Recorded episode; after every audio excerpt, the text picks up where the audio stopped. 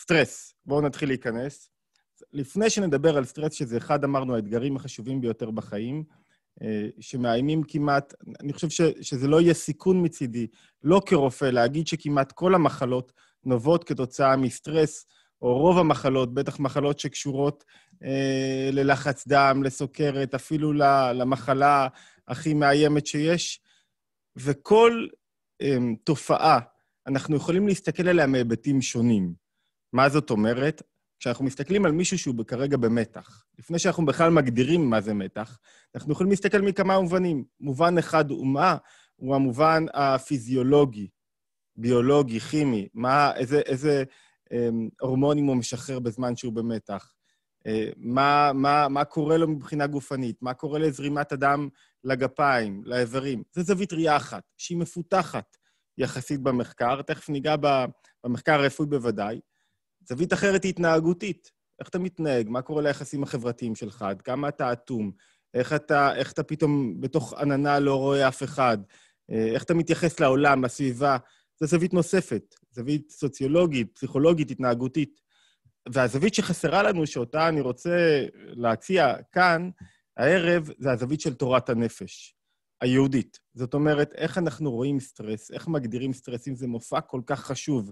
ובדרך כלל נוהגים להתייחס לסטרס בעצימות גבוהה. זאת אומרת, מצבים שבעצם סטרס בעצימות גבוהה מוליד מחלות גופניות יוצאות דופן, כמו קרוהן, כמו סדרה של מחלות, אני הייתי אומר שכמעט אין מחלה שלא נוגעת לסטרס. אין כמעט כזה דבר שלא נוגע. תזכרו שעוד לא הגדרנו.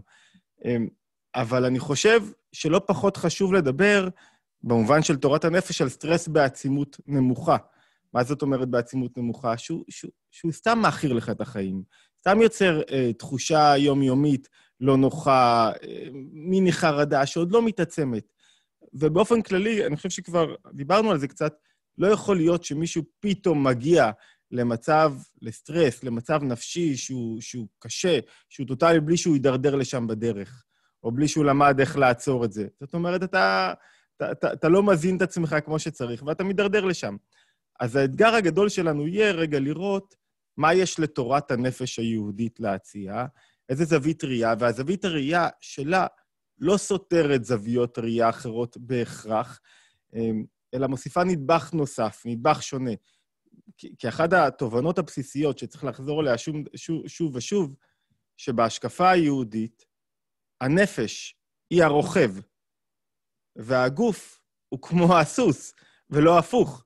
זאת אומרת, הגוף יכול להשפיע על הנפש, אבל הנפש, הצורה, הרוח, היא העיקר, היא מעצבת את מה שמתחולל בגוף. בקלות אפשר להרגיש בכך. זאת אומרת, ברור שאם אני עכשיו יחוש איזו התעוררות, איזה מתח, איזה לחץ, זה ישפיע על תנועה של זרימת אדם באיברים ועל שחרור אה, הורמונים, קורטיזול, אדרנלין וכולי בתוך הגוף. ברור שכן, אבל אם אתה בודק רק את הגוף, אתה מפספס את מה?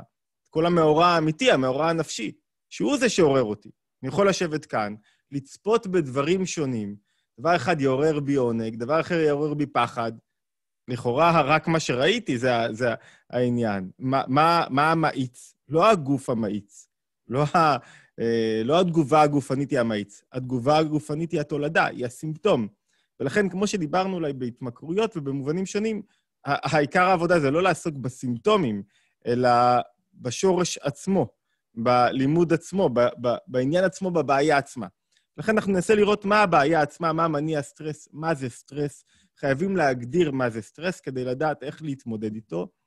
אבל לפני שנגדיר מה זה סטרס מהזווית של תורת הנפש, זאת אומרת, כשאני אומר זווית תורה של תורת הנפש, זאת אומרת שאנחנו בעצם צריכים להחליף את המשקפיים ולהיכנס רגע לאיברים, כמו שהרופא מסתכל לאיברי הגוף, ומסתכל בדיוק מה משתחרר לך כרגע במוח כשאתה בלחץ, להסתכל איפה? על איברי הנפש. ולראות מה קורה שם ברגע הסטרס, ומה צריך לקרות בתמונה בריאה ונכונה של הגוף. זו, זו עיקר העבודה שיש מהזווית של הפנימית של תורת הנפש. ולפני כן בואו נעשה איזו סקירה מאוד קצרה, שטחית יחסית, של איך אפשר לראות סטרס מזוויות אחרות, כן מהזווית הפיזיולוגית, הכימית, הביולוגית. תחילה, ההגדרה של סטרס בכלל, אני חושב, על ידי חוקר קנדי, אוסטרי קנדי, אנסליה, זה לא זה לא כל כך חשוב עבורנו כרגע, אבל הוא מתבונן אה, בבעלי חיים, בעכברים, והוא טבע את המונח סטרס. הוא טבע את המונח כחלק מתגובה של בעלי חיים, ואנחנו גם בעלי חיים, למצבי לחץ, לדרישות שונות, לשינוי מאוד מסוים, ואז ניסו לאפיין את מה קורה לנו במצב של מתח, במצב שבו אני צריך להגיב איזו תגובה מהירה יותר או פחות לאירוע מסוים, וניסו לאבחן את התגובה הזאת. וראו שהתגובה הזאת יכולה להוביל אותנו בקלות לאובדן המערכת החיסונית. את, אתם יודעים מה? אובדן מערכת חיסונית, ראיתם את הבחור הזה, את הרוקח שקיבל חמש מנות, אה, אה, חמש מנות חיסון נגד קורונה. מן הסתם, אם הוא היה בלחץ, וראו אותו רגוע, לא יודע אם מישהו ראה את הרעיון שלו, הוא היה בלחץ, הוא היה רגוע, הוא לא, לא התרגש יותר מדי מחמש המנות. אם הוא היה בלחץ, יכול להיות שזה היה פועל עליו אחר, אחרת. יש סדרה של מחקרים שמראים שסטודנטים, בזמן אה, הלימודים שלהם, כשהם בהעקה, בסטרס, מידה גבוהה יותר, אז החיסונים פועלים עליהם אחרת, או שהם פחות פועלים על הגוף שלהם, מאשר אדם שהוא רגוע, אותם סטודנטים באותה גיל, שאין להם את איום הבחינות, כשהם לא בלחץ, אז, אז התגובה שלהם לחיסון היא הרבה יותר, הרבה יותר רגועה, יותר נכונה. תכף נראה למה. אמ, אז אמרנו שמה בעצם, איך אפיינו את הסטרס? אז אחת התיאוריות המרכזיות היא fight or flight, בטח שמעתם עליה, להילחם או לברוח. ומה הנקודה? מנסים, חוקרים ניסו להגיד לנו, תשמעו, לגוף יש איזה אה, זיכרון אבולוציוני. ומה זה הזיכרון האבולוציוני הזה? זאת אומרת, אנחנו זוכרים, פחות או יותר, האדם הקדמון, היה לו איומים שונים שהיו עליו, והוא זוכר את התגובות שלו לאיום הזה. ונניח, נניח, זה, אני אעשה את זה באופן תיאטרלי קצת, אבל, אבל אפשר להתייחס לזה ברצינות. נניח שהיה רודף אחריך פתאום איזה דוב או נמר, והייתה לפניך אחת משתי האפשרויות, או לברוח או להילחם. עכשיו, בכל אחת מהאפשרויות שהיית בוחר, המערכות הגופניות היו משתנות. אני מזכיר לכולם איפה אנחנו. אנחנו עושים סקירה קצר-קצרה ושטחית, אמ, כדי להבין את ההשקפה הפיזיולוגית לסטרס, ומשם נראה רגע, ננסה, לא הייתי אומר לאמת אותה, אלא להציב עליה השקפה רחבה יותר שקשורה לתורת הנפש היהודית. אז הזיכרון האבולוציוני אומר ככה, קופץ עליך עכשיו איזה אריה. אתה עכשיו צריך להיות מוכן לברוח, להתמודד איתו כמו שצריך. מה, מה, מה הגיוני שהגוף יעשה? הגוף מיד מכבה את המערכות התקינות שלו לטווח ארוך, מערכת העיכול והאספקה הסדירה של דם לאיברים הפנימיים וכל מיני מערכות כאלה אחרות, ומה הוא מעורר לך?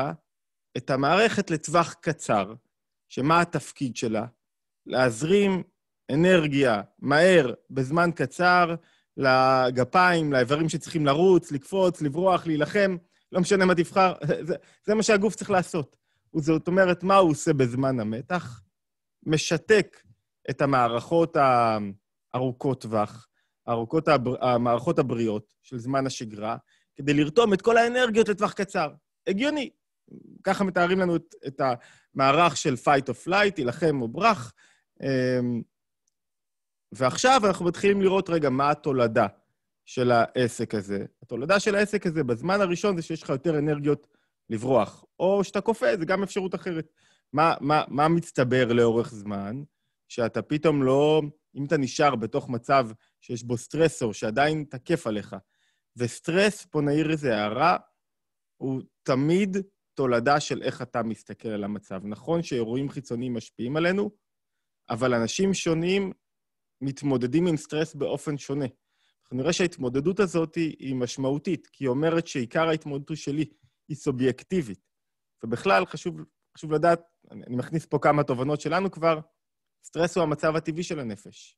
טבעי שתפחד ממה שיקרה. הרי כל המציאות הזאת, היא, אתה לא יודע מה יקרה בעוד רגע. אתה לא יודע מה הולך להתרחש. אתה לא יודע איך הדברים יסתדרו. הכל יכול לאיים עליך, והחרדות מצויות שם בכל מקום. סטרס זה לא חרדה.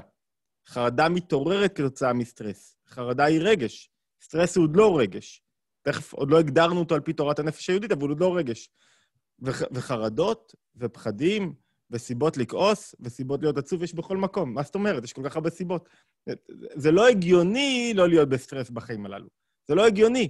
הרי בכל רגע אתה יכול לאבד את הכסף שלך, את המשרה שלך, את האהובים לך ביותר, את עצמך, את הבריאות שלך, את הראייה שלך, את השמיעה שלך, לחלות במשהו מסוים. כל רגע זה יכול לקפוץ עליך בכל מקום. זאת אומרת שסטרס הוא דבר מאוד טבעי שיקרה לך. אני חושב גם על התיאוריה של האדם הקדמון, ש- שתכף נראה איפה אפשר למצוא בה בקלות בקיאים, למרות שהמטרה פה היא לא לחפש להתנגח, אלא, לראות איפה אפשר להציב עוד קומה. ואני מסתכל על, ה- על התיאוריה, והאדם הקדמון, בכל מקום יש איום סביבו. מה זאת אומרת? מה, הוא מחכה רק שנמר יקפוץ עליו? אז מישהו אחר יכול לקחת לו את האוכל שלו, ו- ויש לו אויבים מכאן ומשם ומכל כיוון. נחזור רגע לתיאוריה עצמה. מה התולדה שברגע שנכנסת לסטרס, מה קורה בשלב הבא? שלב הבא, את כל המערכות הנכונות של טווח ארוך רתמנו לטובת התמודדות קצרת טווח. יש לנו עכשיו בעיות בעיכול, ועכשיו יש לנו חוסר הזרמה נכונה של דם, ויש לנו הזעת יתר, וקוצר נשימה, והבעות פנים שונות, ויש לנו סדרה של דברים שהם לא משרתים לנו את, ה, את ה, חיי השגרה, את בריאות הגוף. ובמצב כזה, מה קורה לי? מגיע בסופו של דבר חולי. זאת אומרת, התיאוריה, ולמה חשוב לי להציב דווקא את, ה, את התיאוריה הרווחת, שאומרת כך, אומרת, היא רווחת מאוד, כמובן לא כולם מניחים עליה את ידיהם, היא רווחת מאוד שמהסטרס בטווח קצר ימקד אותך, יעזור לך להתמודד עם הסיטואציה. סטרס בטווח קצר יש בו משהו טוב לכאורה. אם הוא מתמשך והופך להיות מסטרס, מסטרס לטווח קצר והוא משתלט עליך, ואתה נשאר בתוך מצב שיש בו stressor מתמיד, את כל הזמן לחוצה וכל הזמן דואג ממה יהיה עם הפרנסה, ומה יהיה. רוב האנשים בסטרס בגלל פרנסה, או בגלל שהם איבדו איזה אדם יקר, או בגלל שהם לא יודעים איך הם יסתדרו, או בגלל ש... יש כל כך הרבה סיבות, אני לא מוצא סיבות למה לא להיות בסטרס. אז אם הם משאירים את הסטרס בחיים שלהם, בסופו של דבר הוא יביא להם מחלות. למה? כי, כי הגוף לא מקבל את התנועה, את, ה, את הזרימת דם הנכונה, המערכות לטווח ארוך לא פעילות כמו שצריך. זה, זה הנקודת מפתח, אני חושב. והתולדה של כל זה, תודה, התולדה של סטרס, זה שפתאום יש לך אמ, לחץ חברתי. אתה בבית, ראיתם בן זוג שמתהלך בבית כשהוא מסטרס? זה נורא. אי אפשר לקיים יחסים עם בן זוג שהוא בסטרס, כי את כל הבית מלחיץ. ו- וכשיש סטרס בעבודה שלך, נכנסתם לקנות מאיזה בעל מקצוע שהוא בסטרס, לא נעים להיות לידו. הוא מוכר לך כאילו עכשיו אתה חייב לקנות, לא בא לך לקנות ממנו מוצר. זה, זה, זה אווירה איומה ונוראה, לא כיף, כי, כי הוא כל הזמן מחפש לדחוף ממך, כי הוא בלחץ. מה יהיה? והלחץ שלו משפיע. וראיתם מישהו, אמ, אתם יודעים יותר טוב ממני, שאמרנו שכל ההשפעות, הסטרס משפיע כמעט על כל המערכות הבריאותיות. ו- ויש ספרים שמציגים את הסטרס קדשן של הסרטן. הוא בעצם מפתח את הסרטן ועוזר לו, ועוזר לו להתפתח בתוך האיברים שלנו. אמ, והדבר שקשור בכל אלה, שהוא משפיע לך גם רגשית. מדיכאון, חרדות, עצבות. אמרנו, סטרס הוא לא זה, אבל הוא מעורר את כל אלה. ויש סטרס שהוא בעצימות יותר גבוהה, שאתה מרגיש מיד את ההשפעות שלו, ויש סטרס בעצימות יותר נמוכה, שמה הוא עושה? הוא גורם לך בסופו של דבר לאפיסת כוחות. אתה לא רוצה יותר שום דבר, אתה מחפש את המיטה. טוב, עד כאן זה פחות או יותר מה שכולם מכירים. אני חושב שלא חידשתי שום דבר בכל מה שתיארנו עד עכשיו. אמ, ואני רוצה דווקא מכאן לעבור רגע כדי לערער טיפה על התיאוריה השלטת שהוצבה עד כאן. חשוב לעשות הפרדה בין התיאוריה של fight or flight, להילחם אה, אה, או ברח, לבין התיאוריה, לבין הממצאים שבודקים בדיוק מה קורה לך בגוף. מה קורה עם זרימת ה... עם השחרור של האדרנלין, מה קורה עם השחרור של הקורטיזול, מה כל אלה עושים לך. את כל הממצאים הרפואיים, ממצאים הפיזיולוגיים, אפשר בהחלט לקבל. התיאוריה של זיכרון אבולוציוני, אני אגיד לכם את האמת, היא, היא, לא כזאת נשמעת לי. היא נשמעת לי קצת, קצת חסרה בהשקפה שלה. שמעתי ראיון עם אהוד ברק, ש, שסיפר, שאלו אותו איך זה שבזמן ה... כשהיית בכאלה מבצעים קשים ובאירועים כל כך משמעותיים, איך זה שלא יצאת משום אירוע עם הלם קרב? אז הוא אמר, למפקדים אין זמן להיות בהלם קרב. אין לו זמן, הוא כל כך עסוק, הוא תמיד חושב על הפעולה הבאה, על, על, על מה שהוא צריך לעשות. הוא לא יכול להיות בהלם קרב. דווקא לחייל שיש לו זמן לחשוב ולסובב מה יקרה ו- ולהתחיל לגלגל את הדברים ויש לו זמן, דווקא הוא יותר בסכנה של הלם קרב. מה הוא אומר לנו בעצם? בואו רגע נחשוב על הזיכרון האבולוציוני הזה. אני לא יודע מה איתכם, אני רוצה דווקא ללכת למצבים של עצימות נמוכה, ודרכם ללמוד יותר על סטרס, ולאט-לאט להציע את התיאוריה שלנו בתחום תורת הנפש. אני זוכר אותי, אחד המצבים הכי מלחיצים, שאני צריך להכין לילדים אוכל. קופצים עליך שני ילדים רעבים, אתה יושב, אתה צריך לבשל להם איזה משהו, ואז, ואז איך היינו מתארים את זה? כאילו יש לי איזה זיכרון אבולוציוני של אב שחייב להאכיל את הילדים שלו, ואז אני בעצם, מתוך זה בא לי הלחץ. ילדים, אבא, מה יש לאכול, מה יש לאכול, מה יש לאכול? נו, תאכלו איזה משהו. זה, זה, זה, אני משתגע מזה. סטרס קטן, אפילו לא שווה לדבר עליו בשיעור, סטרס אסון, אפילו לא משהו רציני. זה, זה זיכרון אבולוציוני? זאת אומרת, אחד הדברים הבעייתיים בתיאוריה הזאת מבחינתי, אחד, שהיא נותנת לגיטימציה לסטרס. אתם תמצאו לא מעט מרצים ורופאים שאומרים שסטרס בטווח קצר הוא, אה, הוא מועיל, הוא ממקד אותך, הוא איכותי. וכן, אני חושב שצריך לייצר הפרדה מזווית של תורת הנפש בין סטרס לבין גורמים מוטיבציוניים חיוביים שמניעים אותך וגורמים לך להתרגשות, והם לא נקראים סטרס. תכף נראה מה זה אומר מהזווית שלנו, ולמה חייבים לייצר את ההפרדה הזאת. כי אם לא מבינים שהסטרס הוא אויב ולא חבר, אם אתה לא יודע להצביע עליו ולזהות אותו מראש, לפני שהוא מתעצם בתוכך, אם לא יודעים לסמן אותו כדבר לא בריא בנפש, לא יודעים להגיד לו, כמו שאדמו"ר הזקן אומר, לא, בשתי ידיים, אז הוא מזדחל, כי הוא טבעי יותר מהחלופה, וצריך מראש להגדיר אותו. אחת הדרכים, ש... אחד ה... אני חושב שאם הייתי מחפש את האינטרס של התיאוריה האבולוציונית הזאת, היא להגיד, האבולוציה לא טועה בעצם. אם יש לאדם סטרס, יש לו איזה תפקוד מסוים. ודווקא תורת הנפש אומרת הפוך. היא אומרת שאם יש משהו מקולקל, הוא נברא מקולקל כדי שנוכל לתקן אותו. זאת אומרת, המטרה היא לתקן את הדבר המקולקל. זה, זה האתגר הגדול. זאת אומרת, זה לא שאם משהו מקולקל, אז כנראה שיש לו משמעות שיהיה מקולקל, אלא התפקיד של האדם, לתקן אותו. אמ, אז התיאוריה, אמרתי, היא קצת נשמעת לי טיפה, לא, לא יודע, לא, לא רוצה להתנגח בה, כי, כי, כי זה לא משרת יותר מדי, אלא להפקיע ממנה דבר אחד, שסטרס בשלב הראשון שלו הוא איכותי, ולהוציב את הזווית ראייה של תורת הנפש ולא רק תורת הגוף. וכדי להציב את הזווית של תורת הנפש, אני רוצה דווקא שנתחיל מאיזה תרגיל, אמ, דווקא כמו שאמרתי, מסטרס בעצימות נמוכה. בואו נשטח כמה אה, סיטואציות שיכול להיות בהן סטרס, ונראה מה, מה החוט המקשר ביניהם. מה אתה יכול למצוא כחוזר על עצמו, אלמנט שחוזר על עצמו, שיעזור לנו להבין מהו בעצם סטרס. אז אני אתן כמה דוגמאות.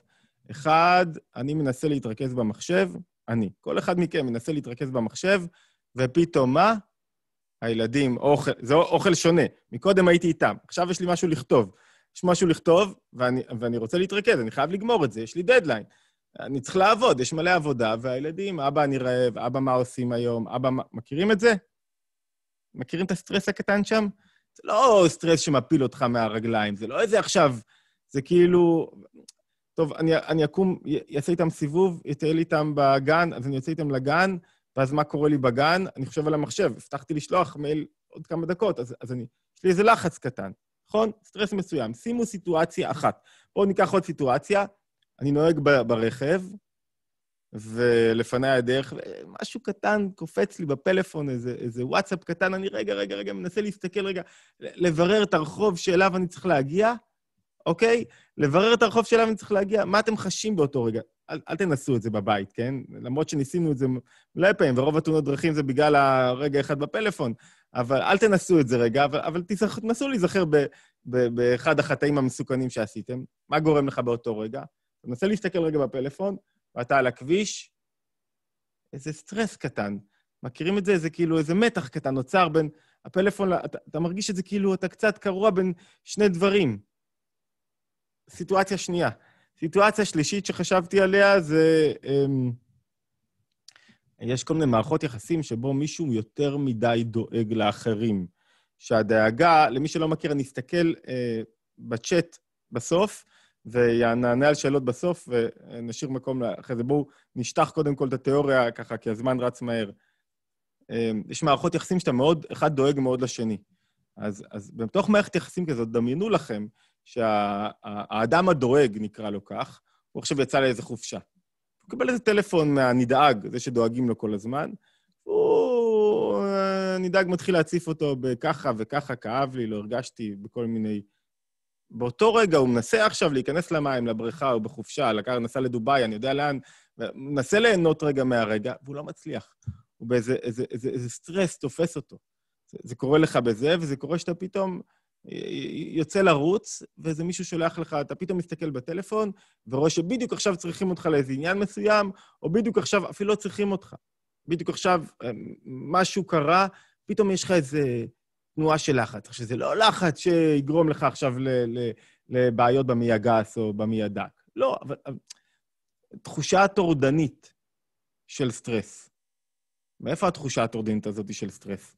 בואו ננסה, אתם יודעים מה? בואו ננסה אה, לאפיין עכשיו את כל המצבים. יש עוד מצבים, אין ספור מצבים שאתה מאבד מישהו קרוב, אתה נפרד מחבר, גירושים, פרידה, שבהם בזעיר אנפין כמו אובדן, כי אתה מאבד פתאום מערכת יחסים.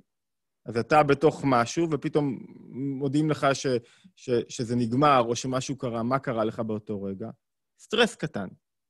עכשיו אני רוצה לשאול, מה מאפיין את כל המצבים שמניתי? מה מאפיין אותם? בואו ננסה רגע לחשוב. מה מאפיין... טוב, מאחר ואנחנו לא בתוך שיח, אז אני, ולא בתוך אה, ככה, כי קשה לפתוח את זה מניסיון העבר לשיח פתוח, אז, אז אני אענה מה מאפיין, מה נראה לי. שבכל המצבים אני מנסה להיות בשני מקומות בתודעה שלי. מנסה, צריך, רוצה, נגרר, להיות בשני מקומות בתודעה שלי. מה זאת אומרת? בפלאפון, זוכרים? אני רוצה להיות בפלאפון, והכביש קורא לי, שניהם בו זמנית. אני, אני, אני כאילו בסוג של מתח. אני רוצה להיות פה ופה, והמתח הזה הוא זה שמעורר לי את הסטרס. בואו נתחיל רגע לראות את זה בעוד זוויות. הילדים מבקשים אוכל, אני יושב על המחשב. אני, המחשב קורא לי, יש לי עבודה, מחכים ממני למייל, יש לי מלא דברים לעשות. ומה מצד שני? הילדים, אני רוצה להיות אבא טוב, זאת אומרת, אני רוצה לתת להם תשומת לב, אני רוצה להיות איתם, לא רוצה לחפף אותם מהחדר כדי לעבוד. אני, אני, אני רוצה להיות בשני מקומות בו זמנית, רוצה, או צריך, או נדרש. אני רץ, ופתאום עכשיו גיליתי שלא לא שלחתי בדיוק את המשהו המסוים, לא עשיתי את המשהו הנדרש. אני רוצה להיות בריצה, יצאתי לריצה, בשביל זה אני שם. באותו רגע, אני, אני, כשקיבלתי משהו אחר, אני רוצה גם לפתור את הבעיה. אני רוצה להגיע כמה שיותר מהר כדי לפתור את הבעיה. מה קורה לי? מה זה סטרס? בואו נראה. סטרס זה מצב שבו אני מנסה להיות בשני מקומות בו זמנית. וכשאני מנסה להיות בשני מקומות בו זמנית, נוצר לי, תכף נראה איך זה נראה בנפש, נוצר לי מה? נוצר לי מצב שהוא כמו סטרס. מצב של מתח. ולמה מתח? כי אתה מנסה להיות בשני מקומות בו זמנית, באופן ברור. אתה מנסה להיות במה יהיה בטרדות הכלכליות, ולהיות במקום שלך עכשיו. אתה בשני מקומות, נוצר מתח מסוים. והמתח הזה הוא מה? הוא מתחיל להשפיע לך אחרי זה, לחלחל דרך האיברים הנפשיים לאיברים הגופניים, והוא משפיע כמובן על האיברים הגופניים. פקק, בואו ניקח למשל פקק. אתה יושב בפקק, נכון? אתה יושב, אתה נוהג, ואתה יש פקק, מה אני אעשה? יש פקק, אתה יכול לעשות משהו? אני מאחר לעבודה שלי, יש פקק, לא יכול לעשות שום דבר, אבל אני מאחר לאיזה פגישה. פתאום המתח עולה. מאחר, המתח עולה, אני בלחץ, בלחץ, נו, נגיע, שיזוז ההוא. מכירים את זה? מכירים את זה יותר טוב ממני. אה, אנחנו פה, איפה שעברתי לגור אין פקקים, אין שום דבר. אבל אתם מכירים את התנועה. ומישהו אחר, שבאותו רגע הוא החליט שהוא כאן בפקק. הוא עכשיו בפקק, הוא לא עכשיו חושב על הפגישה. זאת אומרת, הוא יגיע לפגישה, הוא יתמודד עם הפגישה. מה קורה לו? הוא נטרל מקום אחד, נשאר בפקק, שבפקק, אני אומר, הכוונה יכול לשמוע ספר קולי, יכול לשמוע הרצאה, יכול... אבל, אבל הוא כרגע כאן, הוא בחר איפה להיות, הוא לא בשני מקומות. כשהוא בחר איפה להיות, מה קרה? התפוגג הסטרס. בחרתי להיות עם הילדים, ברגע שבחרתי להיות עם הילדים, התפוגג הסטרס. ברגע שבחרתי להיות עם המחשב, אמרתי לילדים, חבר'ה, אני עכשיו עם המחשב, התפוגג הסטרס. עזבתי את הטלפון, לא מעניין מה ההודעה ששלחו לי, התפוגג הסטרס. אוקיי, אז התחלנו רגע לראות משהו מסוים. סטרס הוא בעצם לא רגש, על רגשות דיברנו באריכות בלימוד שלנו, אני חושב שלפחות עשרה שיעורים. סטרס הוא לא רגש, סטרס הוא מצב שבו אני, יש לי אה, רצון או צורך או מחויבות תכף נראה איך מגדירים את זה, להיות בשני מקומות בו זמנית. ועדיין, אנחנו בתוך אה, הגדרה מינימליסטית, הגדרה חסרה, כי עוד לא נכנסנו ממש לתוך הנפש. תיארנו רק את התהליך עצמו. מה אהוד ברק אמר? כשאני מסיירת מטכ"ל, ואני עכשיו יש לי פעולה הבאה, וכל רגע אני צריך לחשוב על מה צריך לעשות עכשיו, אני לא יכול להיות בהלם קרב. לא יכול להיות בלחץ. אין כזה דבר, איך אני יכול להיות בלחץ? יש לי כל כך הרבה דברים לעשות. אז אני, את זה אני עכשיו עם זה, את זה אני עכשיו עם זה, את זה אני עכשיו עם זה. אני מרוכז עכשיו בזה. אני לא יכול לקבל הלם קרב. החייל שיש לו זמן עכשיו, רגע, הוא עכשיו עוד שנייה יש התקפה. הוא אין לו עכשיו בחמש דקות ההמתנה להתקפה, אז הוא כאן, ובמחשבות שלו מה יהיה בבית, מה יהיה אם לא נצליח להיחלץ, מה יקרה אם אני לא אצא מהאש התופית הזאת שיורים עליי. קורה לנו ב... ב באירועים היומיומיים, הפשוטים שלנו, בכל מה שאתה עושה. אם אתה, אתם תראו, אה, איש, תראו את ביבי. אתה שואל את עצמך, למשל, לא משנה מה תצביעו ומה לא, אל, ת, אל, ת, אל תיכנסו לפוליטיקה, לא חסר לנו מזה, אבל, אבל אפשר לראות משהו מהתנועה הזאת, שיש מעט מאוד אנשים, אני חושב, בעולם שהיו עומדים עם כל כך הרבה משקולות על הכתפיים. ואין דרך להתמודד עם כל המשקולות הללו על הכתפיים, אם אתה לא בוחר להיות במקום שאתה נמצא בו, להיות רק בו. אם אתה בשני מקומות, אין דרך שתתמודד. לא תתמודד עם זה, לא יכול להיות.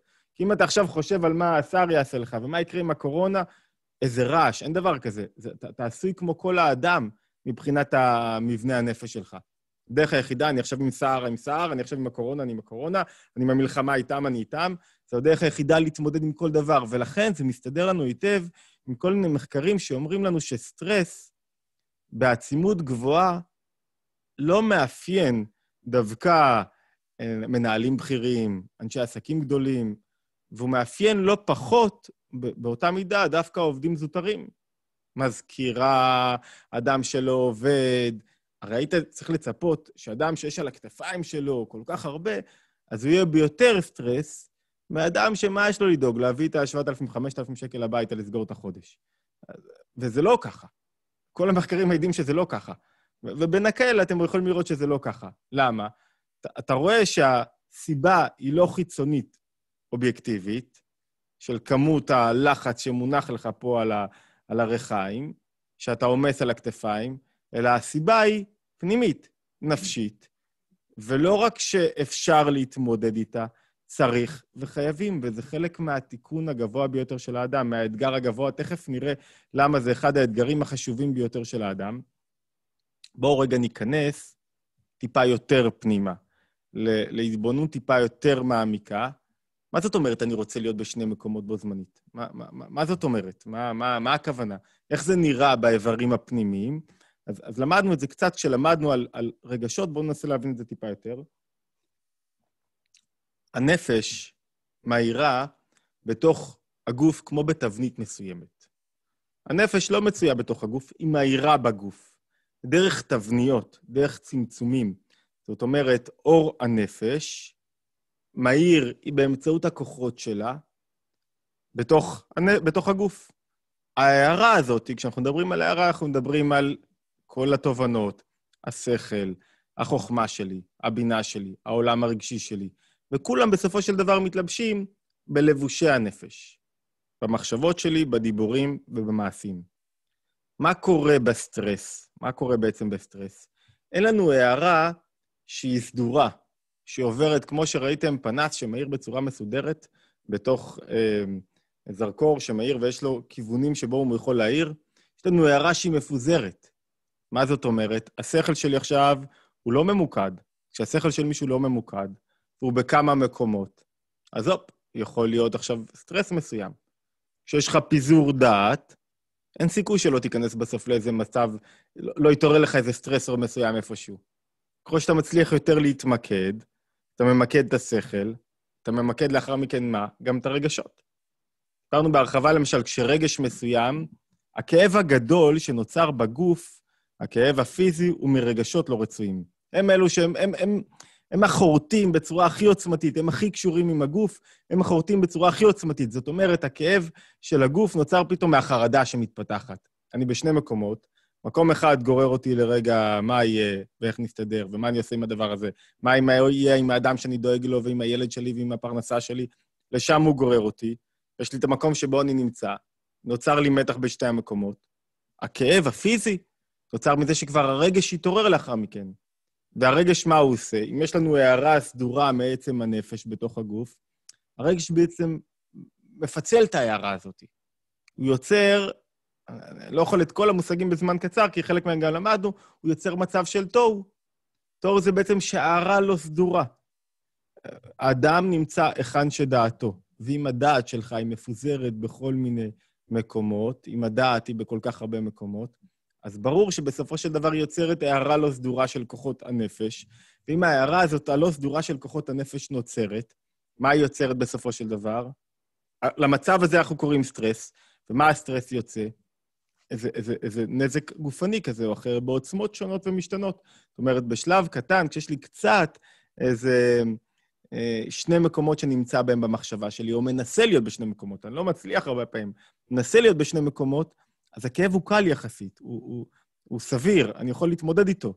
אבל ככל שזה מתעצם בדרגה יותר גבוהה, וככל שאני, אני, זה, זה יותר, אני חושב למשל עכשיו על מה יהיה עם הילד שלי. הילד שלי נמצא עכשיו בצבא, או בישיבה, או במקום אחר. ככל שאני יותר מונח עכשיו ומנסה להיות כאן, אז אני מפוצל.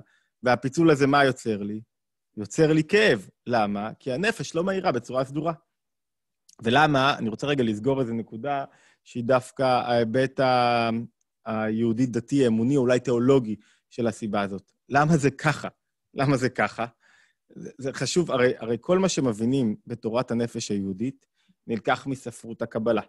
ספרות הקבלה מנסה להבין רגע איך הבורא בורא את העולם. המצב הבריא, המתוקן של האדם, צריך להיות בדומה למצב הבריא, שהמצב שהבורא בורא את העולם. אתם מתארים לכם בורא שבורא את העולם והוא לא ממוקד, והרגשות שלו, יש לו רגע שמתעורר לו סתם ככה, והוא רוצה להיות פה ופה בשני מקומות, והוא לא, ההערה היא לא מתגלה בצורה סדורה והדרגתית ונכונה. זה, זה, לא, אתה לא מתאר לעצמך בורא שככה בורא את העולם. זאת אומרת, כי מה קורה במצב שבו אני בשתי מקומות? אני לא מתחבר לדרגות הפנימיות, העצמיות, הגבוהות שלי יותר בנפש. אני לא מתחבר אליהן. ברגע שאני ממוקד, כשמישהו ממוקד במשהו מסוים, אז הרצון שלו, הוא רוצה במשהו הזה, הוא מעורר לו את השכל, השכל חושב על הדבר הזה, השכל אחרי זה מעורר את הרגשות הנכונים, הרגשות מתגלים במחשבות.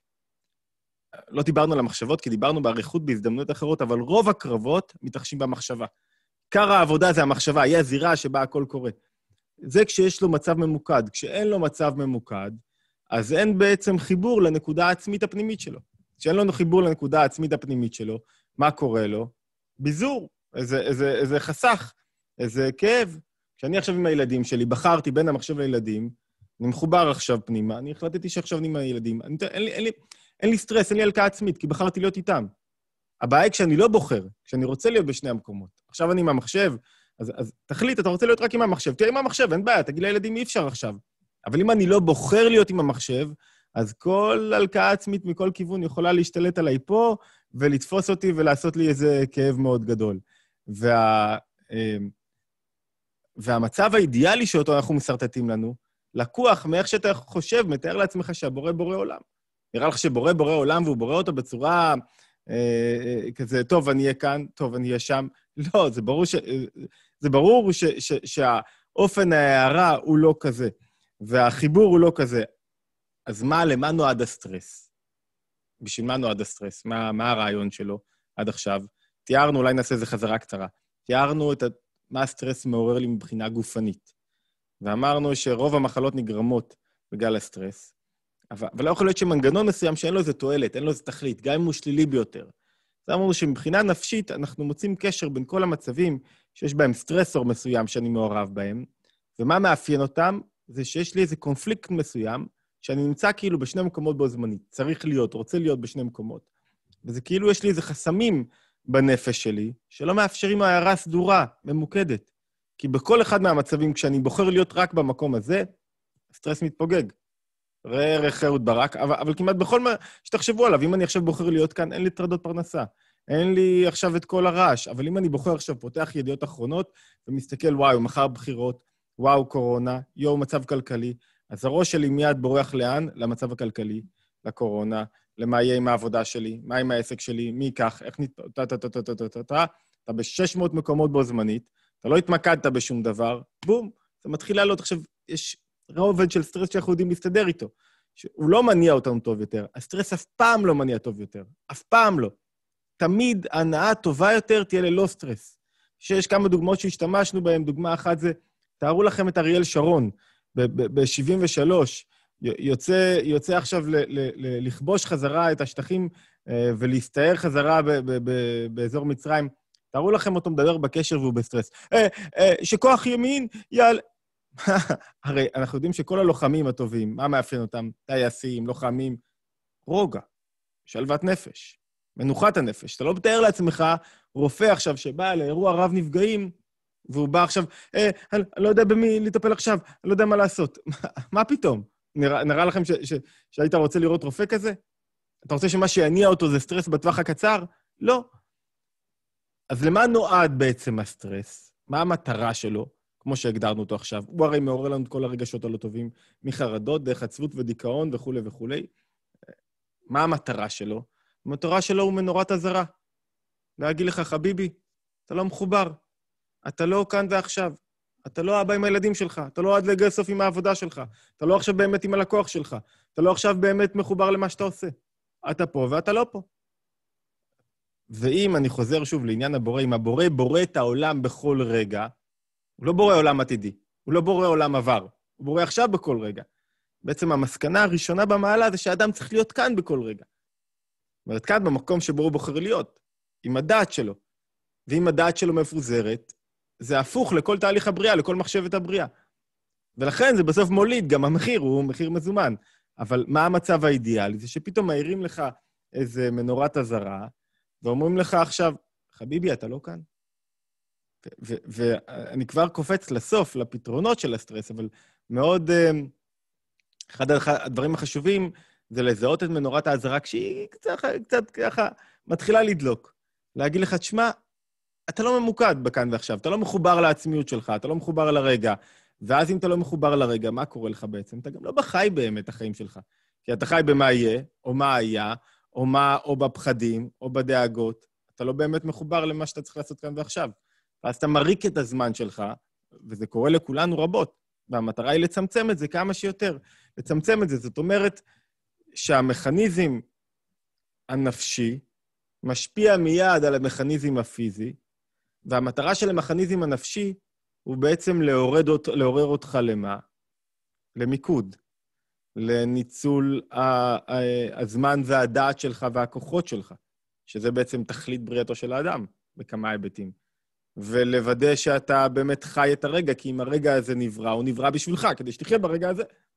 ולא תחיה במה היית יכול להיות, או במה אתה יכול להיות, תחיה ברגע הזה. ורק כשאתה חי ברגע הזה, אתה בעצם יוצר לך מעטפת הגנה. מפני מה? מפני הסטרס. כי אם אתה בכל רגע, תחשבו על המנהל הגדול שעליו דיברנו, אם בכל רגע אתה במקום שבו אתה נמצא, וחושב על ההתמודדות שלפניך, לא יכול להיות לך סטרס אף פעם. תיאורטית, תיאורטית לא יכול להיות סטרס אף פעם. נשברים מזה, אבל תיאורטית, והמטרה שלנו היא לא לייצר מצב שבו אדם הוא לגמרי בלי סטרס אף פעם, אלא להנמיך את, העוצמה אה, שלו. תיאורטית, אתה כן יכול לחיות חיים בלי סטרס. להנמיך את העוצמה ולהגביר את העוצמה של מה, מה, מה, מה החלופה של סטרס. זאת אומרת, אם אנחנו מסרטטים לנו, סרטטנו לנו עכשיו מצב שבו האדם, אמ, שבו האדם סובל מסטרס, ואמרנו, מצב שבו האדם סובל מסטרס, אם פונים פנימה, מצב שבו אור הנפש לא מאיר בצורה סדורה בתוך הגוף.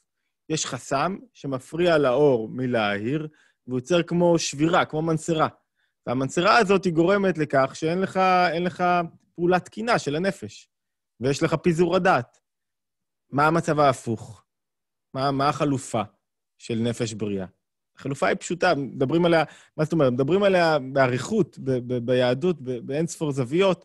החלופה היא מנוחת הנפש. ביטחון זה תיאור של מנוחת הנפש. מנוחת הנפש זה מקום שבו אתה זה לא מקום שאתה, יאללה, מניאנה, יושב, אה, הכל בסדר. ממש לא. אתה, ממש לא. אתה רץ, אתה יכול להיות בשגעת, אתה יכול להיות במלא עניינים, אתה צריך להיות בשגעת, אתה צריך להיות בתנועה מתמדת, אבל מתוך מנוחה. זו תנועה אחרת לגמרי, של תנועה, של, של שגעת מתוך מנוחת הנפש, זה תנועה אחרת, כי אתה לא מרגיש שאתה מתעייף כל כך. אתה לא מרגיש שזה כל כך כבד לך על הכתפיים. אתה עושה, אתה רץ, אתה יוצר, אבל כל הזמן גם יש לך מנוחה, וגם יש לך תחושה של חוסר איום, והמקור של זה, זה לא שאתה גיבור גדול ואתה יודע שהכל יהיה טוב, וזה לא שאתה מוצא את הביטחון שלך בזה שיהיה לך אה, מיליון דולר בבנק, או, או מה שזה לא יהיה. המקור של זה, יש לזה הרבה יסודות ברבדים שונים של עבודת הנפש, של ביטחון ושל התבוננות ושל עבודה על המחשבות, וכל מה שאנחנו עושים באופן מקיף, אבל היסוד של זה זה שאתה עכשיו כאן, אתה כאן. אתה אחרי זה תהיה במקום אחר, אתה תהיה במקום אחר. אתה מונע את הפיצול שלך בלהיות בשני מקומות. אתה מגדיר איפה הדעת שלך צריכה להיות. תראו, בדרך כלל אנשים שיושבים פתאום, פתאום מתחיל להתגלגל עם המחשבות שלו, פתאום תראו שהמחשבה הזאת, עכשיו התנועה הזאת, מתפתחת מהר מאוד לאיזה סטרס קל, ואחרי זה לאיזה דיכאון קל, ואיזה חרדה קל. וואו, הייתי יכול, וואו, לא ניצלתי את הזמן, וואו, לא למדתי, וואו, לא עשיתי. והסטרס מוגדר, תזכרו את ההגדרה של סטרס, הניסיון שלי להיות בשני מקומות בו זמנית. והחלופה של סטרס, המצב הנפשי הנכון, זה שאדם מוכן. אם מוכן, מה זה מעיד עליו? שהוא מחובר, שאור הנפש שלו מאיר נכון. אתה, אתה רואה את זה אצל מנהיגים גדולים. כשמנהיג גדול עכשיו, למשל, מנהיג גדול במובן העבודה הפנימית שלו, כשהוא, תראו, תראו מנהיגים, כשהוא הולך, נגיד, עכשיו, אז, אז הוא בתור, הוא לא רואה את האנשים. הוא לא רואה את האנשים. אבל כשהוא רואה את האנשים, מה זה אומר? שהוא הצליח להוריד את אור הנפש ולהיות עכשיו עם האדם שמולו. זה מאוד ניכר אצל הרבי מלובביץ', ראיתי את זה ב... כש, כשכתבתי עליו את הביוגרפיה, באינספור אה, היבטים, שכל מפגש שלו עם האדם, פתאום שותק ומקשיב לבן אדם. וכדי לשתוק ולהקשיב לבן אדם, אתה צריך להניח את עצמך בצד, עם כל המשימות שלך וכל הדברים שיש לך, ועכשיו להיות ממש כאן. ואם אתה ממש כאן, ואם היה לי זמן, הייתי מספר לכם סיפורים, זה סיפורי התוועדויות כאלה, אין ספור על היכולת להיות ממוקד ברגע הזה.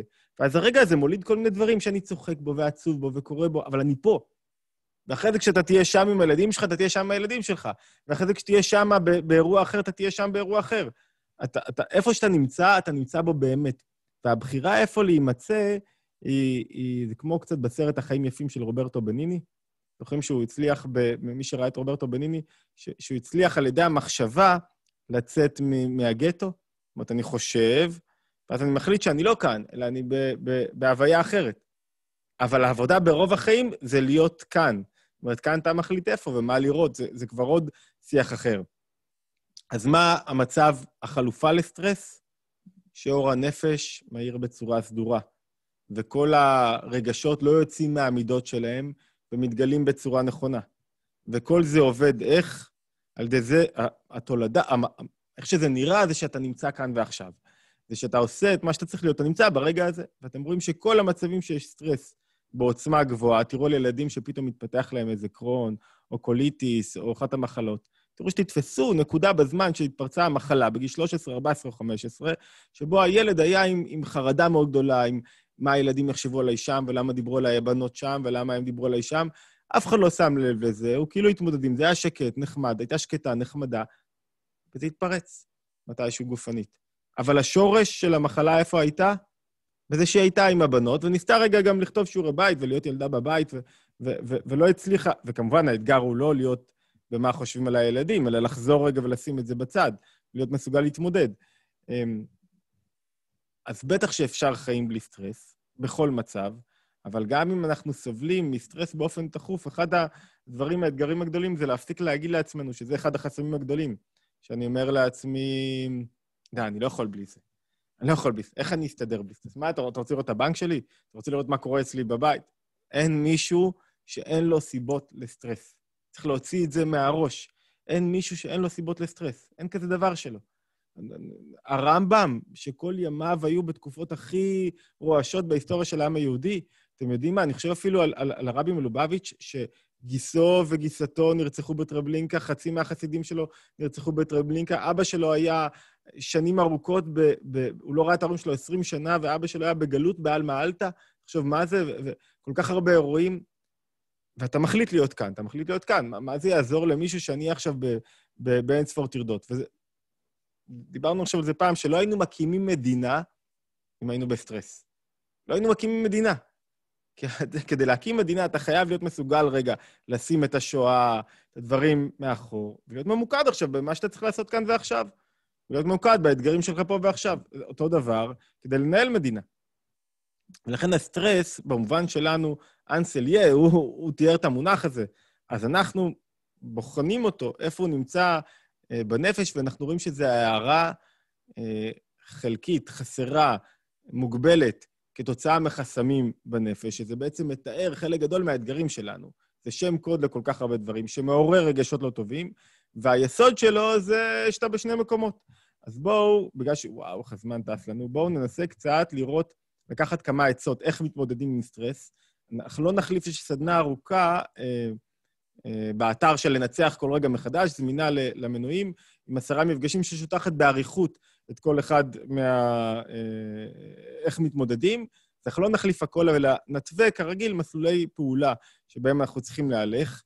אה, בדרך כלל, אם תשמעו על הרצאות על סטרס, תריצו יוטיוב, חוקרים מכל הכיוונים, אז הם מציעים כמה דברים שהם הגיוניים. מה הם מציעים? מדיטציה, אמ, נשימות, אה, ספורט, להגביר את כמות הספורט ב- ב- ב- אה, בחיים שלי, וגם תזונה וכולי.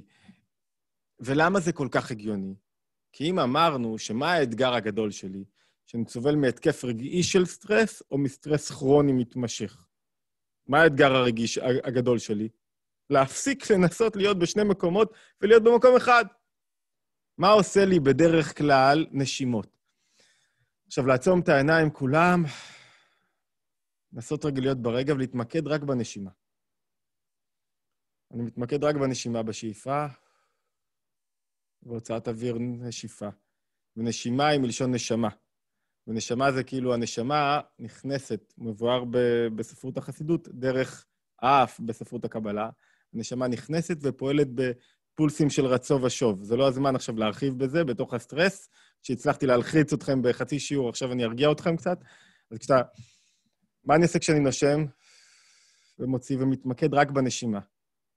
ומתמקד רק בנשימה, רק באוויר, או באיזה נקודת אור שמטיילת בי. מה אני עושה ברגעים הללו? תכניסו, בואו ניקח כמה נשימות. שחרר כתפיים. מה אני עושה? אני כאן. אני חזרתי להיות נוכח. אני ביטלתי, נאבקתי, הצלחתי להשמיט את, ה, את האתגר הזה של להיות בשני מקומות. הצלחתי להיות רק כאן ועכשיו.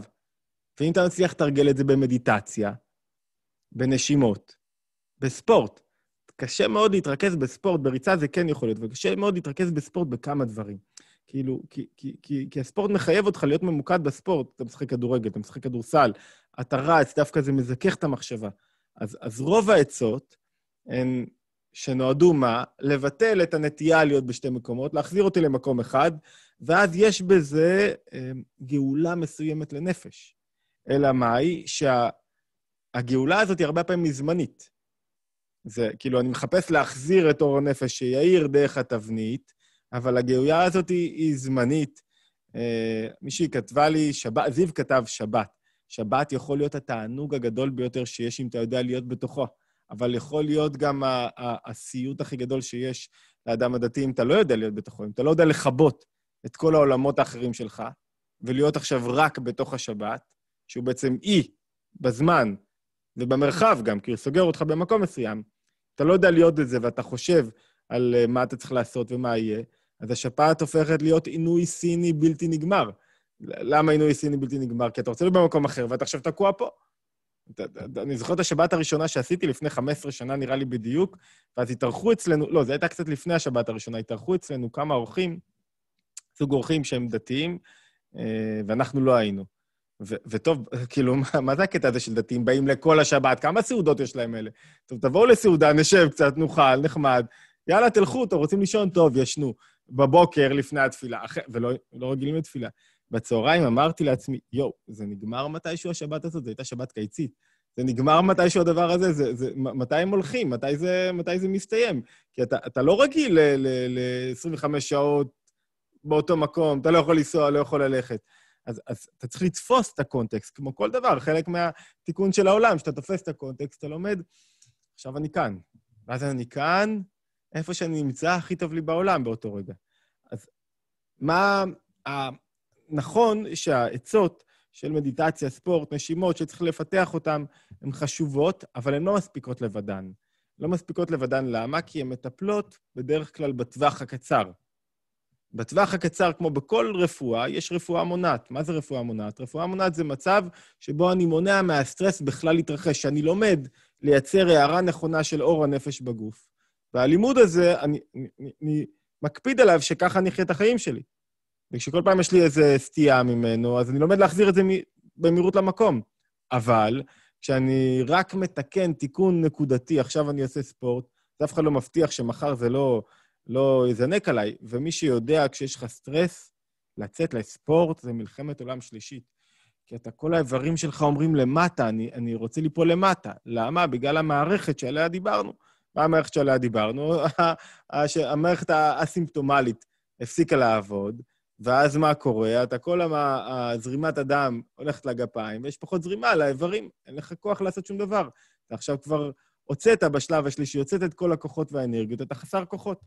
בואו נמנה רק כמה דברים, אולי אה, נבחר, יש כמה חסמים שהם מהותיים להתחיל בהם, ושיעורי בית, אה, ומזה נוכל להתקדם טיפה. מה המטרה הגדולה?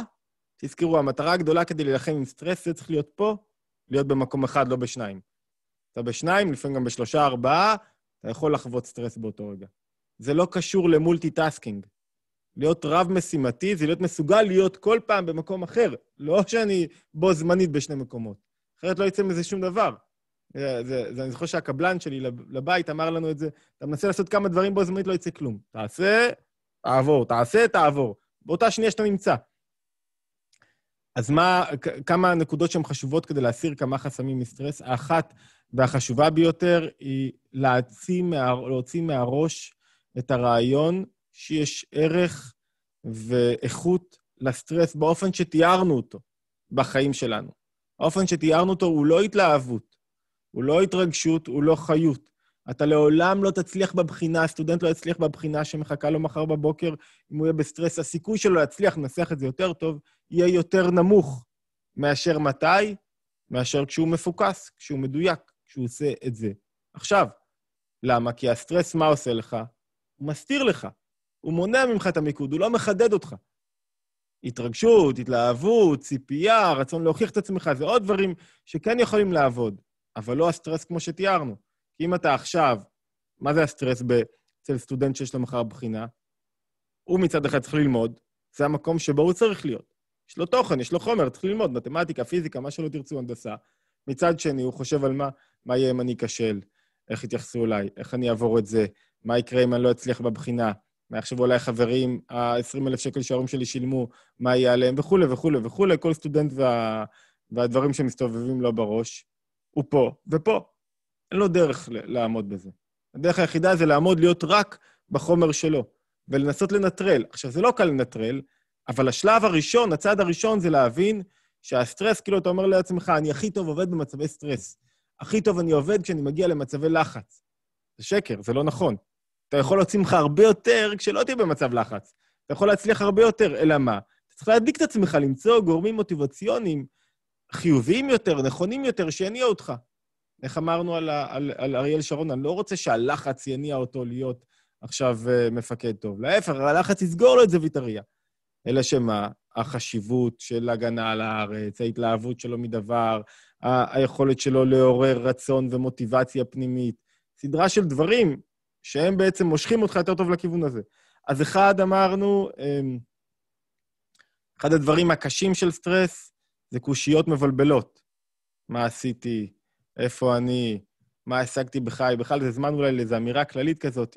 כל הקושיות הללו הם לא חשבון נפש, הם הלקאה עצמית. מחזיר אתכם אולי לשיעור הרביעי שלנו, ואין בהם שום ערך חוץ מלהפיל אותך עם הראש בתוך האדמה. הם לא תורמים לך בשום דבר, הם לא יקדמו אותך בשום דבר. לא תשיג באמצעותם שום דבר. אז החסם הראשון שלנו זה לדעת שהסטרס לא מועיל לנו. הוא לא אויב, הוא לא חבר, הוא אויב.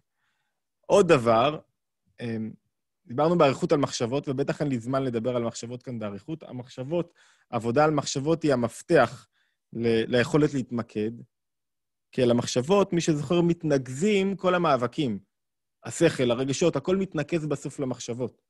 אז להיות מסוגל לבחור את המחשבות שלי זה אתגר מאוד חשוב ומשמעותי. אני לא אחזור על זה, אבל על נקודה אחת, לא להשאיר חלל פנוי מהמחשבה. כמו שאתה יוצא לספורט או מדיטציה או נשימות כדי להיות במקום אחד, גם אם המחשבה שלי, אני מצליח למקד אותה במקום אחד, אני מציל את עצמי מהרעשים הנוספים הללו. אני, אני, וזה אתגר, אני יודע שזה, שזה אתגר לא פשוט. אתם יודעים מה, אולי במקום עוד עצה, אני אגיד רגע משהו, שהרצון להיות בשני מקומות הוא טבעי לנו.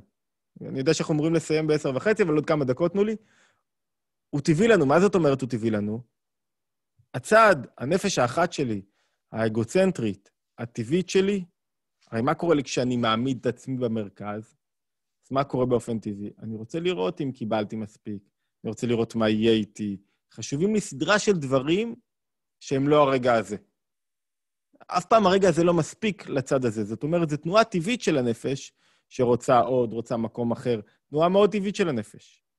זאת אומרת שהמאבק הזה להיות בשני מקומות הוא מאבק טבעי של הנפש. אלא מה? צריך לתקן אותו על ידי מיקוד, על ידי להיות במקום אחד. אף אחד לא מתאר לעצמו איזה חכם, יהודי חכם, שהוא עם פיזור הנפש. זה, זה, זה הרי הפוך לכל מה שאתה מסוגל לתאר אדם חכם, או מנהיג, או, או ככל שהוא יותר מפוזר בנפש שלו, ולא נמצא במה שהוא צריך להיות. יכול להיות לו רגעים של מעברים, אבל אם הוא לא נמצא, אתה אומר, רגע, הוא לא מצליח לעשות את העבודה הזאת של להתגבר על הסטרס, והוא ישלם עליו מחיר רגשי, וזה נכון לכל אחד, לא רק לאדם חכם. זאת אומרת, המאבק הזה הוא מאבק טבעי. הסטרס הוא טבעי, העבודה על הסטרס והיציאה ממנו היא התכלית של כל אדם, וכל אחד יכול להגיע אליו. אני מבשל עכשיו למשפחה, אני מבשל... אני פה בבישול. אני עם הילדים שלי, אני עם הילדים שלי. אני לומד עכשיו, אז הטלפון סגור, אז אני מנסה עכשיו לא להיות באין ספור דברים, אני מנסה להיות רק פה ברגע שאני, שאני לומד עכשיו. זאת אומרת, אני עכשיו לומד, החלטתי רבע שעה לימוד, רבע שעה לימוד. ובכמה מקומות, זה לא משנה אם זה כמה דקות, אבל בכמה מקומות האלה הוא המאבק הגדול שלי. טוב, אולי עוד עצה אחת שנתפוס. אמ, עוד חסם גדול, אחד אחרון, אני חושב, אני לא מביא את כולם בצורה סדורה, אבל, אבל את הכוונה, את המסלול עבודה, אני חושב שהוא בהיר המסלול עבודה,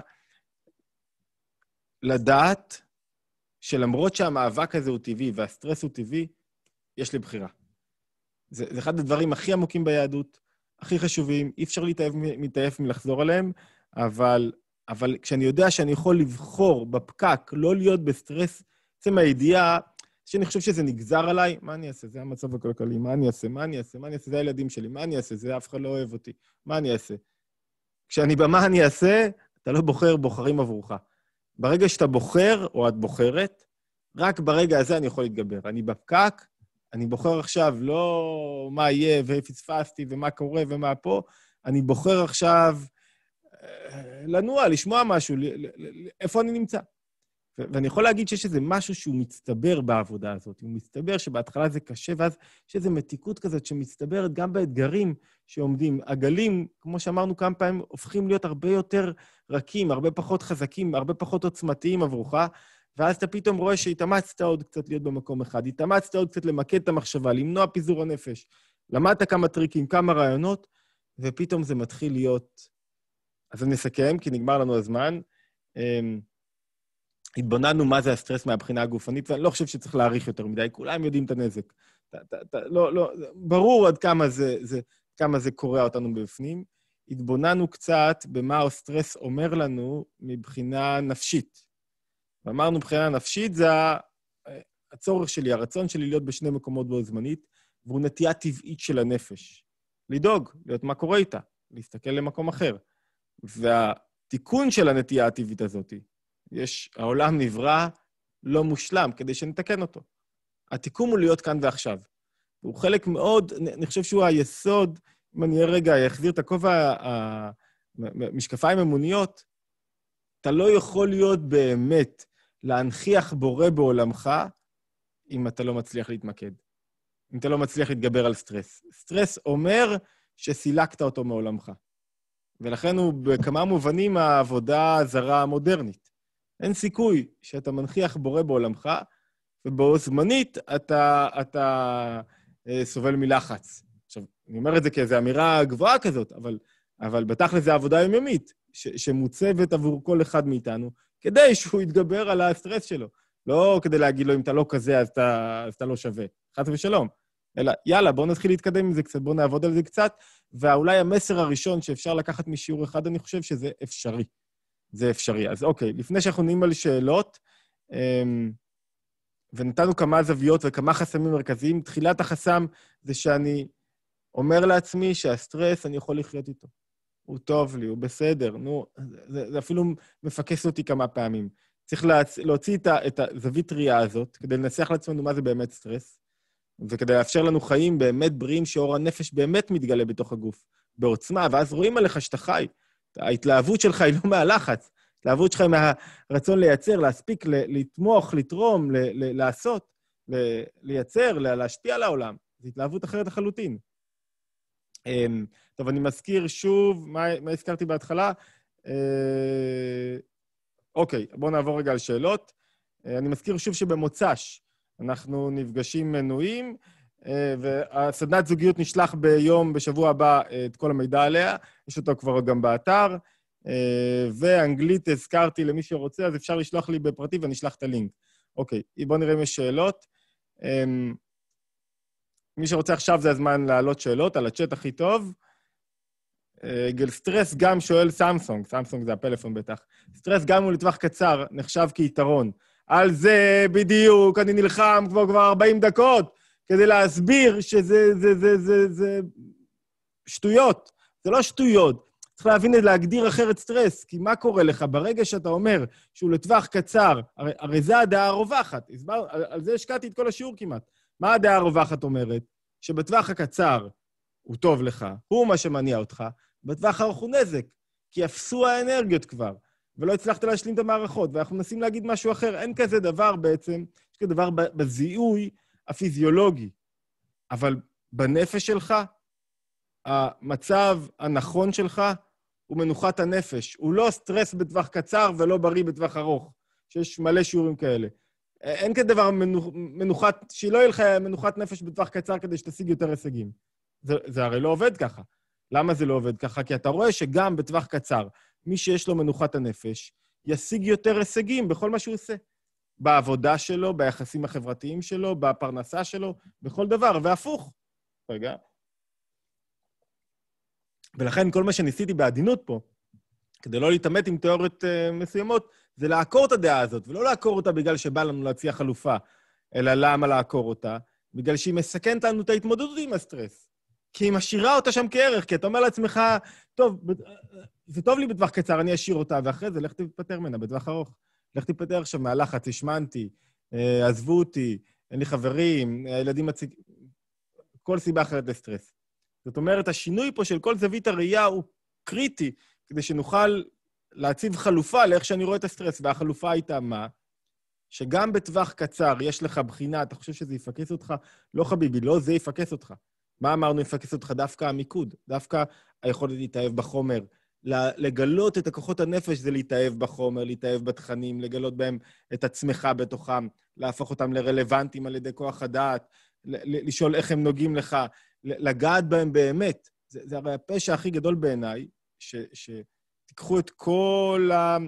אמ, כל החבר'ה הצעירים בי"ב שגומרים אה, בגרות, יום אחרי הבגרות, לא יודע, אולי אני חוויתי ככה, לא עשיתי מחקר, אבל יש לי תחושה שזה באמת כך, הם לא זוכרים כלום ממה שהם למדו. גם אם הוציאו בבגרות, גם החבר'ה הטובים שהוציאו 90 ו-100 בבגרויות, יום אחרי זה כאילו נ, נמחק. כי, כי מה היה האתגר? לעבור את הבגרות. אף אחד לא גילה שם את האהבה שלו עכשיו להיסטוריה, תנ"ך, תורה, מה שלא יהיה. אף אחד לא גיל... אף אחד. אני מגזים, כן? כמובן, בטוח שיש חבר'ה שגילו ויש מורים טובים, ויש... אבל הרוח השלטת היא אחרת. ו- ו- וזה לא מתנגש בהכרח עם הישגיות ועם ציונים טובים. להפך, אם אתה אוהב משהו, אם אתה מגלה את אור הנפש כשאתה עושה משהו, אם אתה מתמקד בו, גם הציונים שלך בסוף יהיו יותר טובים. אז, אז לכן אמרתי שההפרדה בין טווח קצר לטווח ארוך מזיקה ליכולת להתמודד עם סטרס בראי תורת הנפש. אז אני מקווה שהנקודה הזאת הובנה. אמ, נראה לי שהסטרס הוא בגלל שינוי במצב קיים, כאשר אני רגיש למסגרת קיימת ואני יכול להכיל משהו חדש. נכון, אבל, אבל הצבנו סדרה של דברים שזה... זה, ההגדרה של הזיכרון האבולוציוני היא כן, פתאום רודף אחריך האריה. אבל אתה רואה שסטרס מתעורר גם עם uh, שינוי כלכלי פתאום, uh, שהוא הדרגתי והוא לא איזה מאורע יוצא דופן.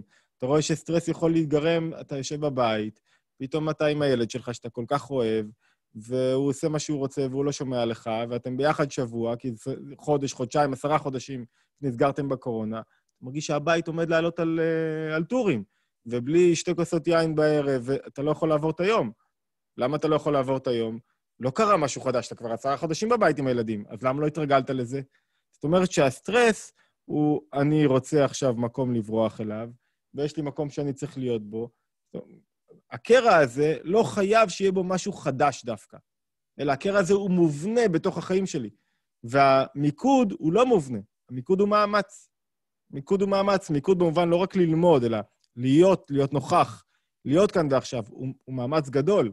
מדיטציה היא מאמץ, אה, נשימה היא מאמץ. אם אתה מסוגל להיות כאן ועכשיו, אתה לא צריך מדיטציה, כי, כי אתה כאן ועכשיו. וזה נעוץ בעיקר ב... למנוע מהמחשבות לברוח לכל מיני מקומות. זו נקודה מאוד חשובה. כשהמחשבות בורחות, זה, זה, שם עיקר המלחמה. אוקיי, בואו נראה. פקק יפני בכניסת שבת... אה, בפקק לפני כניסת שבת? טוב, לא הבנתי. תרגול. אה, רציתי לתת שיעורי בבית, טוב שמישהו הזכיר לי. כתבתי שיעורי בית אה, שהם חלק מהזה, אבל בואו נראה אם יש עוד שאלות לפני שיעורי בית. תודה לכולם. אה, הצגת פתרון, אז, אז הרב יהושע סיכם לנו, להחליט לא להיות בשני מקומות בו זמנית, אה, לשחרר שליטה עצמית שלך. לא כוחי ועוצם ידי. הנקודה של לא כוחי ועוצם ידי היא נקודה מאוד משמעותית אה, כדי להיות במקום מסוים. ולמה? כי כדי להיות במקום, יש... הרי מה קורה לי? יש את הרצון שלי. אני רוצה שמשהו מסוים יתקיים. ויש את המציאות. כשאני נשאר עם הרצון הזה ואני מגיע למקום, ואני לא מצליח איכשהו להיות רך כקנה, אז הרבה פעמים יש לי התנגשות עם המקום הזה. ואז אני כאילו מתאבק איתו הרבה פעמים, ואני לא מצליח להסתגל לשינויים. ראו איך כל כך הרבה חברי כנסת שפתאום עוזבים את הכנסת, תראו, הם חוזרים הביתה והם מורטים שערות. רק אתמול הייתי ב... יודע, איגרא רמא. הייתי שם, ועכשיו אני במקום אחר. והלהיות מסוגל לשחרר, כמו שהרב יהושע כותב פה, הוא באמת יוצר לך אה, של יכולת להפחית את המתח בתוך המציאות שלך. לשחרר במובן שאני לא כופה דווקא את הרצון שלי למציאות. אני מבין שלילד שלי יש רצון משלו. אני מבין את זה, ואני מסוגל לקבל את זה. אני מבין שלאשתי יש רצון משלה.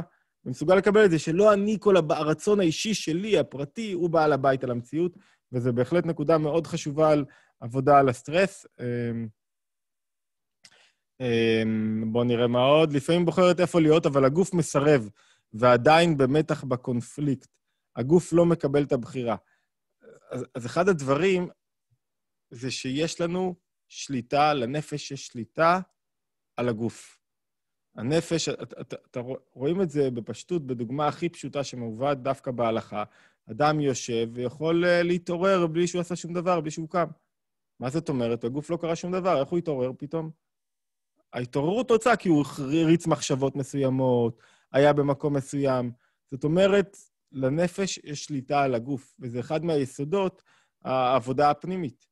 נכון שגוף צריך להיות בריא וצריך להשקיע בו וצריך שהוא יהיה כלי מתאים לאור הנפש, כלי בריא וחזק וכולי, אבל ברגע שאתה מכיר יותר את הנפש, מכיר את השליטה של הנפש על הגוף, אז, אז, אז אנחנו נותנים לו את... הגוף נשמע לו, אין כזה דבר שהסוס, אם הוא פראי בהתחלה, אתה מאלף אותו לאט-לאט, אין דבר כזה שהוא לא ישמע לכל הנפש. כשאתה...